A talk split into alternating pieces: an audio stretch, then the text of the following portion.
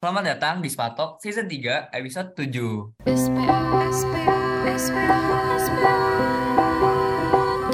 Selamat datang di SPA Talks. Halo guys, balik lagi sama kita di Spatoks. Halo guys, balik lagi nih sama kita di episode kali ini. Jujur ya Sam, gue tuh ngerasa capek banget sih, baik itu fisik maupun mental. Capek fisik karena kuliah itu udah mulai offline dan juga banyak kegiatan-kegiatan kayak organisasi atau kepanitiaan itu juga udah mulai offline. Dan kita kan kayak masa-masa transisi gitu nggak sih dari online ke offline, jadi kerasa banget tuh capeknya.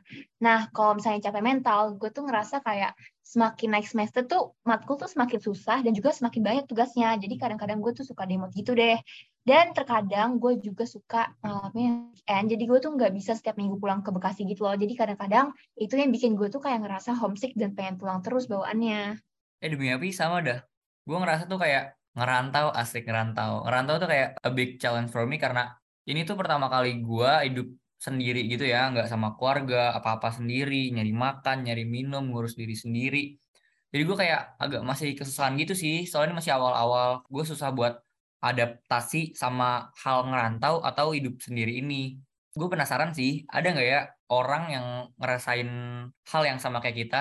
Mungkin mereka bisa sharing pengalaman mereka gitu. Nah, makanya nih Sam, di Spatok kali ini kita udah ngundang dua narasumber yang rumahnya itu dari luar Jabodetabek, which is berarti ngerantau itu jauh nih dari rumah tinggal mereka. Boleh dong kenalan nih sama dua narasumber kita. Mungkin kalian bisa sebutin nama, angkatan, dan juga asal daerah kalian. Halo guys, kenalkan nama gue Kenda, gue angkatan akuntansi 2021 dan gue dari Sorowako. Hai guys, gue Vanessa. Uh, gue juga sama kayak Kenda, gue angkatan 21 dan asal daerah gue dari Surabaya. Wah, jauh banget ya Kenda dari Sorowako dan Vanessa dari Surabaya. Nah, BTW kan kalian sekarang udah ada di Depok nih. Kalian tuh ngekos di mana nih? Dan terus udah berapa lama berarti ngerantau ke Depoknya? Nah, kalau dari gue, gue tuh uh, ngekos di Kutek, tepatnya gue di NH2. Terus kalau udah berapa lama ngerantau di Depok, gue udah kayak sekitar satu bulanan gitu sih, baru banget.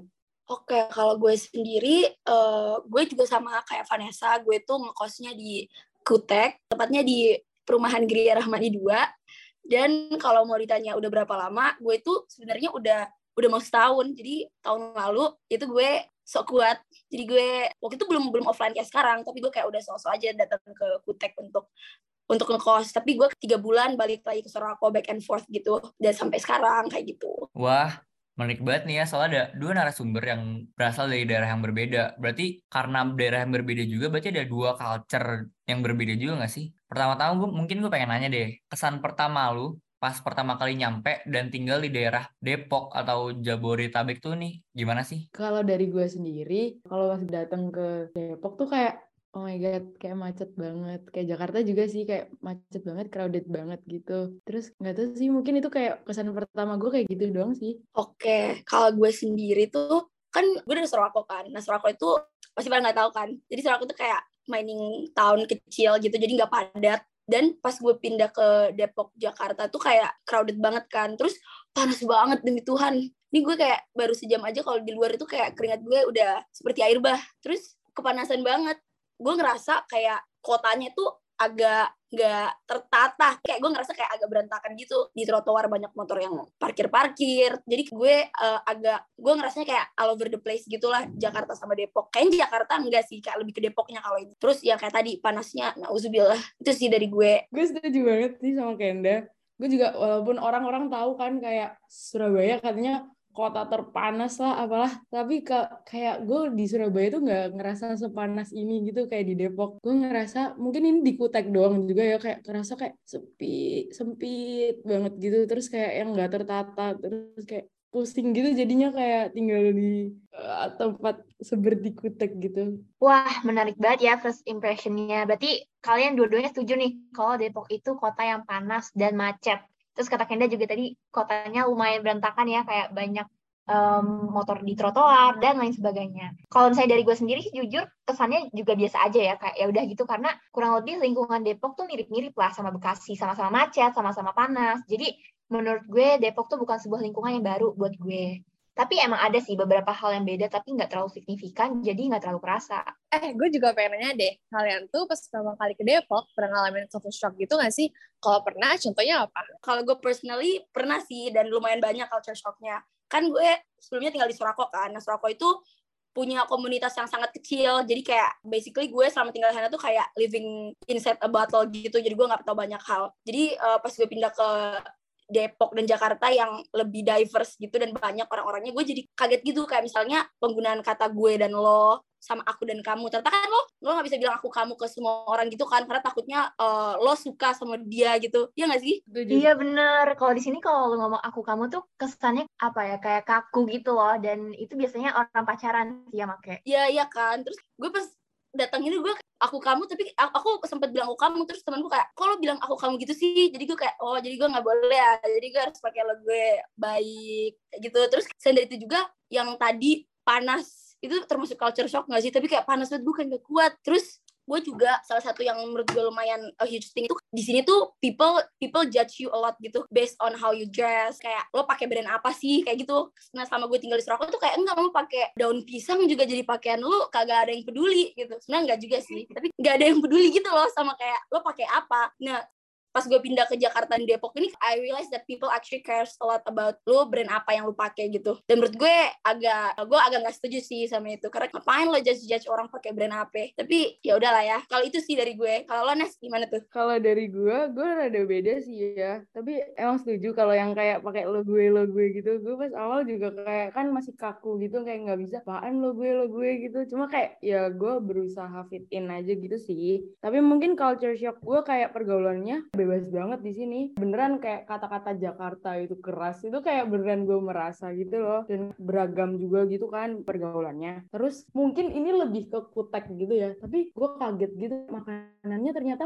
di Jabodetabek ternyata kayak masih ada makanan murah gitu loh. Sedangkan gue kan emang sempet kan kayak datang ke Jakarta gitu dan di situ beneran sebeda itu gitu loh. Kayak itu makanan mahal-mahal banget kan di Jakarta tapi di Depok wah murah. Mungkin itu sih tapi kalau misalnya Renda tadi kayak people judge eh, what you wear gitu kan. Itu kayak di Surabaya juga begitu sih. Jadi gue mungkin nggak terlalu merasakan culture shock ya yang gue mau nambahin dong boleh boleh. Gue gue setuju banget sama Vanessa yang harga makanan tuh murah di sini. Terus gue juga mau mau cerita dikit, gue kemarin habis makan seafood tiga belas ribu itu, gue kaget, wah maka cumi-cumi tiga belas ribu, terus gue keracunan. Tolong jangan disebut ya, nanti kita di.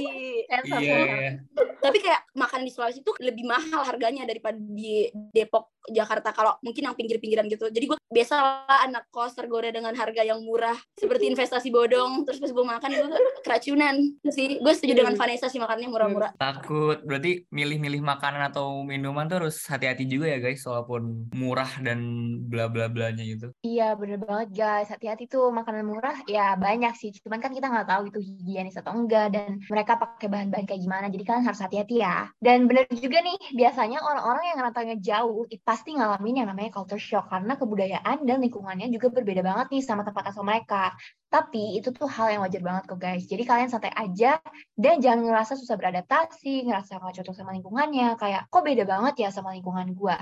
Karena emang it takes time buat bisa adaptasi sama lingkungan baru. Jadi kalian enjoy aja nih momen-momen adaptasinya. Nanti kalian juga lama-lama akan terbiasa kok. Oh iya, gue juga penasaran nih. Kenda sama Vanessa kan ngerantau cukup jauh ya. Dan bisa dibilang culture daerah kalian itu beda sama culture Depok. Kalian tuh pernah nggak sih ngerasa terdiskriminasi gitu sebagai anak rantau? Kalau dari gue sendiri sih, sampai sekarang gue nggak terlalu ter, uh, merasa terdiskriminasi gitu ya. Mungkin pasti kayak tadi yang diomongin sama Kenda, kayak pakai uh, lo gue lo gue gitu. Mungkin awal-awalnya, eh kok gue merasa kayak terasingkan nih gue pakai aku kamu. Tapi kayak mereka juga gue pertama kali pakai aku kamu juga kayak mereka nerima gitu loh. Terus gue medok gitu awal awalnya mereka eh lucu medok gitu. Jadi gue kayak merasa gue diterima dan kayak merasa itu cuma bercandaan gitu loh. Kalau misalnya mereka emang kayak ngomongin tentang daerah gue kayak merasa itu I take it as a joke gitu aja sih. Kalau lu gimana Ken? Uh, kalau gue sendiri mungkin gak terdiskriminasi. Gue nggak bisa nge-represent anak-anak daerah lain yang ngerasa nggak terdiskriminasi karena gue mungkin nggak dapet diskriminasi gitu. Tapi kalau misalnya gue ngerasa gue kayak apa ya kayak gue ngerasa people tuh di sini kadang care about where are you from gitu. Kayak misalnya dia bilang oh lo anak daerah ya. Dan gue tuh nggak paham kayak why are they so obsessed with anak-anak daerah? Apakah kalau kita anak daerah itu kapabilitas kerja kita berkurang? Saya tidak tahu. Tapi people care gitu kayak tanya oh lo di daerah ya? Lo di daerah kayak gitu?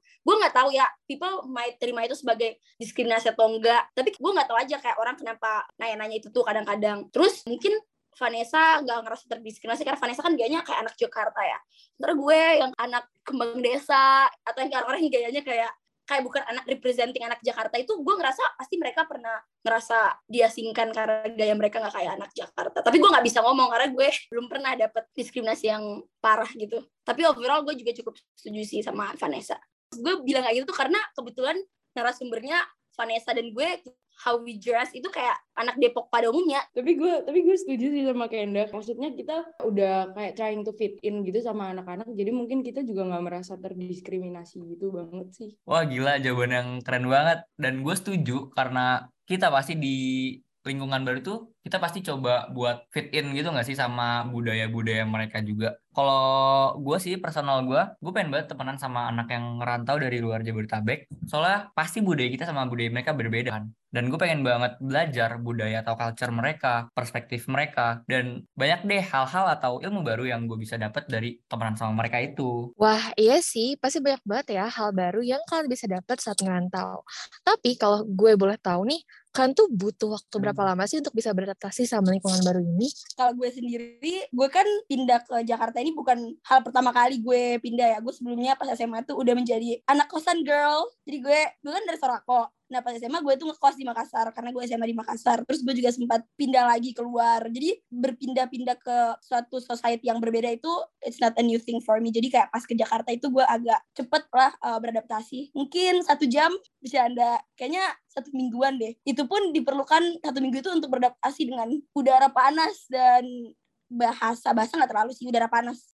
Nah, kalau dari gue, gue agak beda sih kalau sama Kenda, karena gue juga kayak dari kecil banget, gue selalu di rumah gitu sih. Gue selalu kayak di Surabaya, gue nggak pernah uh, pindah-pindah atau ngekos gitu sih. Jadi uh, mungkin butuh waktu cukup lama buat gue kayak adapt dengan lingkungan Depok ini. Kan gue juga baru satu bulanan ya di sini. Jadi kayak sampai sekarang mungkin gue juga masih adapt sama lingkungan di Depok ini sih. Tapi kalau untuk sama lingkungan pertemanan atau kuliahnya di semester 2 itu kayak gue baru bisa adapt gitu. Lo gue terus kayak wow orang Jabodetabek things gitu kayak gitu sih. Betul betul. Jadi emang tiap orang tuh waktunya beda-beda lah ya buat beradaptasi. Dan kalau ada saran nih ya dari gue, gue tuh kalau awal-awal gitu kita kayak yang tadi dibilang sebelumnya trying to fit in. Dan menurut gue SKSD tuh masih nggak apa-apa sih sama orang. Asal nggak SKSD-nya tuh yang nggak yang freak gitu ya. Emang agak tricky sih adaptasi di lingkungan baru. Next gue mau nanya deh kalian ada tips nggak sih survival kit apa aja yang harus kalian punya? Sama mungkin beberapa life hack penting saat ngerantau ini. Kalau dari gue secara pribadi, gue tuh uh, mikir kalau having an open mind itu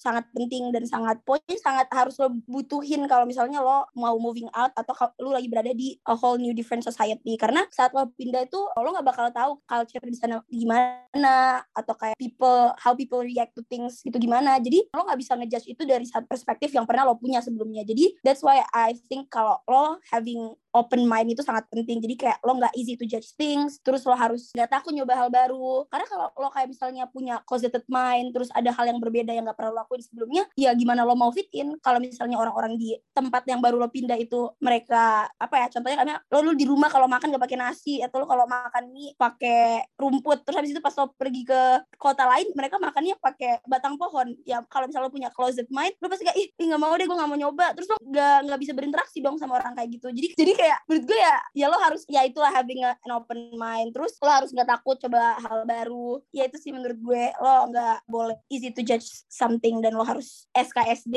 dan lo harus kayak down to anything gitulah kayak eh, nyoba-nyoba hal baru Kalau dari Vanessa gimana nih, sister? Nah dari gue juga gue setuju banget sih sama Kenda. Emang kita harus beranilah nyoba hal-hal baru gitu di tempat yang baru. Tapi mungkin dari gue jangan sampai kita ngikut-ngikut-ngikut terus kita nggak punya pendirian lagi. Jadi kita juga tetap harus jaga diri gitu loh. Karena kita juga di sini kan bener-bener sendiri ya. Jadi kita kayak harus tahu kayak batasan lu tuh seberapa. Biar kita tuh nggak akan ke bawah arus terus akhirnya kita nyesal-nyesal sendiri gitu. Terus mungkin juga gue mau nambahin uh, dengan lu ikut organisasi atau mungkin kayak kepanitiaan di kuliah itu juga ngebantu lu buat kenal sama orang-orang baru gitu loh ngebantu lu buat lebih cepat fit in di tempat yang baru gitu sih Gue mau nambahin dong, gue jujur setuju banget sama Vanessa. Jadi kayak what I meant by down to do anything itu kayak gitu. Lo terasosiat lah sama komunitas yang ada di tempat baru lo. Whether itu kepanitiaan, organisasi, atau acara gitu lo pokoknya ikut gitu. Jadi lo tahu orang-orang baru, lo tahu perspektif-perspektif mereka di tempat baru ini kayak gimana, and so on gitulah. Bener banget poin yang bagus tadi Vanessa bawa. Dan juga lo harus tahu diri lo sendiri, lo harus tahu prinsip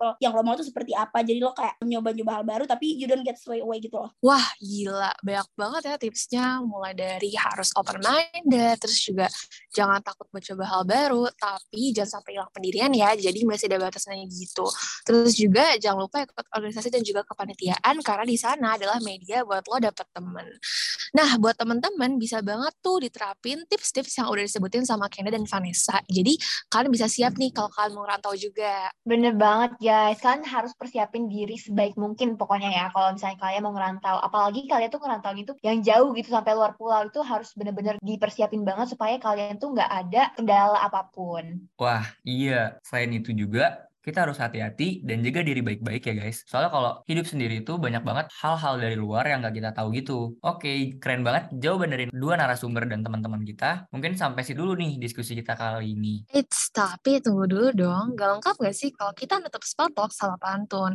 Nah, gue pengen minta tolong Wisman dong, Wisman. Kok tiba-tiba gue sih? Tapi karena Spatox ini biasanya di akhir ada pantun, gue udah siap-siap sih. Anaknya emang jaga-jaga gitu.